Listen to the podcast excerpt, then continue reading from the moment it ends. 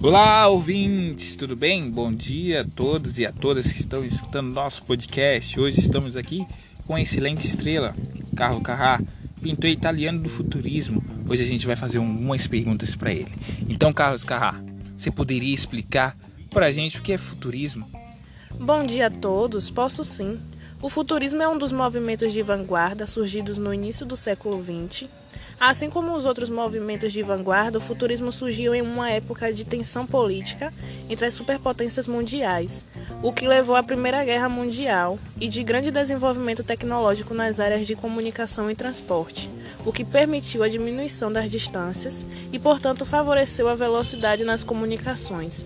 Desse modo, esses dois fatores, tecnologia e velocidade, foram influências essenciais no futurismo, mais do que em outros movimentos de vanguarda. Carlos, quais são as suas importâncias para o Brasil? A importância do futurismo para a arte brasileira está na sua perspectiva radical de quebra com a tradição e consequente valorização da liberdade de criação, base do modernismo brasileiro. Me fala um pouco sobre as suas características e seus autores.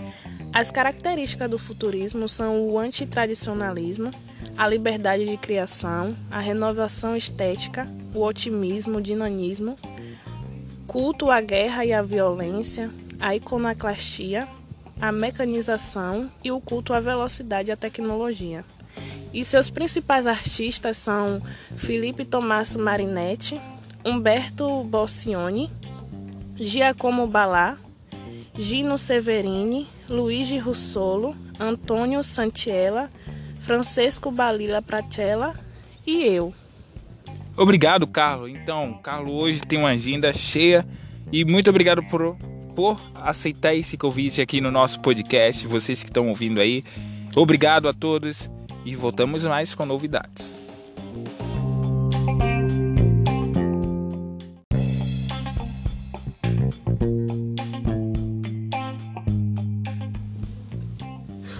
Olá, ouvintes! Olá a todos e a todas que acompanham o nosso podcast.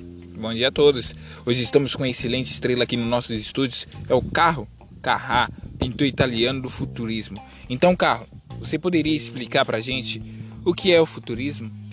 Bom dia, posso sim. O futurismo é um dos movimentos de vanguarda surgidos no início do século XX Assim como os outros movimentos de vanguarda, o futurismo surgiu em uma época de tensão política entre as superpotências mundiais, o que levou à Primeira Guerra Mundial. É de grande desenvolvimento tecnológico nas áreas de comunicação e transporte, o que permitiu a diminuição das distâncias e, portanto, favoreceu a velocidade nas comunicações. Desse modo, esses dois fatores, tecnologia e velocidade, foram influências essenciais no futurismo, mais do que em outros movimentos de vanguarda. E qual é a sua importância aqui no Brasil, Carlos? A importância do futurismo para a arte brasileira está na perspectiva radical de quebra com a tradição e consequente valorização da liberdade de criação, base do modernismo brasileiro. Me fala um pouco sobre suas características e seus autores. As características do futurismo são o antitradicionalismo, a liberdade de criação, a renovação estética, o otimismo, o dinamismo, o culto à guerra e à violência, a iconoclastia, a mecanização e o culto à velocidade e à tecnologia.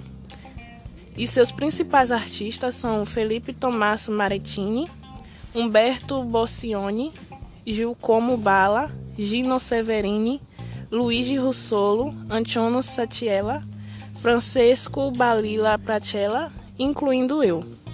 Então, esse aí foi um pouquinho né, da nossa entrevista com o Carlos Carrá e vem outros aí, viu? Tenham um excelente dia a todos e obrigado por ouvir o nosso podcast.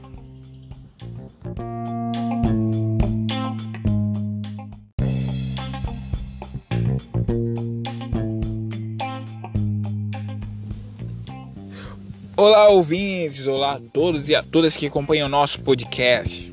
Bom dia a todos. Hoje estamos com uma excelente estrela aqui nos nossos estúdios. É o Carro Carrá, pintor italiano do futurismo. Então, Carlo, você poderia explicar para a gente o que é o futurismo?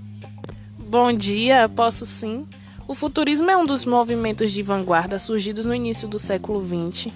Assim como os outros movimentos de vanguarda, o futurismo surgiu em uma época de tensão política entre as superpotências mundiais, o que levou à Primeira Guerra Mundial. É de grande desenvolvimento tecnológico nas áreas de comunicação e transporte, o que permitiu a diminuição das distâncias e, portanto, favoreceu a velocidade nas comunicações. Desse modo, esses dois fatores, tecnologia e velocidade, foram influências essenciais no futurismo, mais do que em outros movimentos de vanguarda. E qual é a sua importância aqui no Brasil, Carlos? A importância do futurismo para a arte brasileira está na perspectiva radical de quebra com a tradição e consequente valorização da liberdade de criação, base do modernismo brasileiro. Me fala um pouco sobre suas características e seus autores.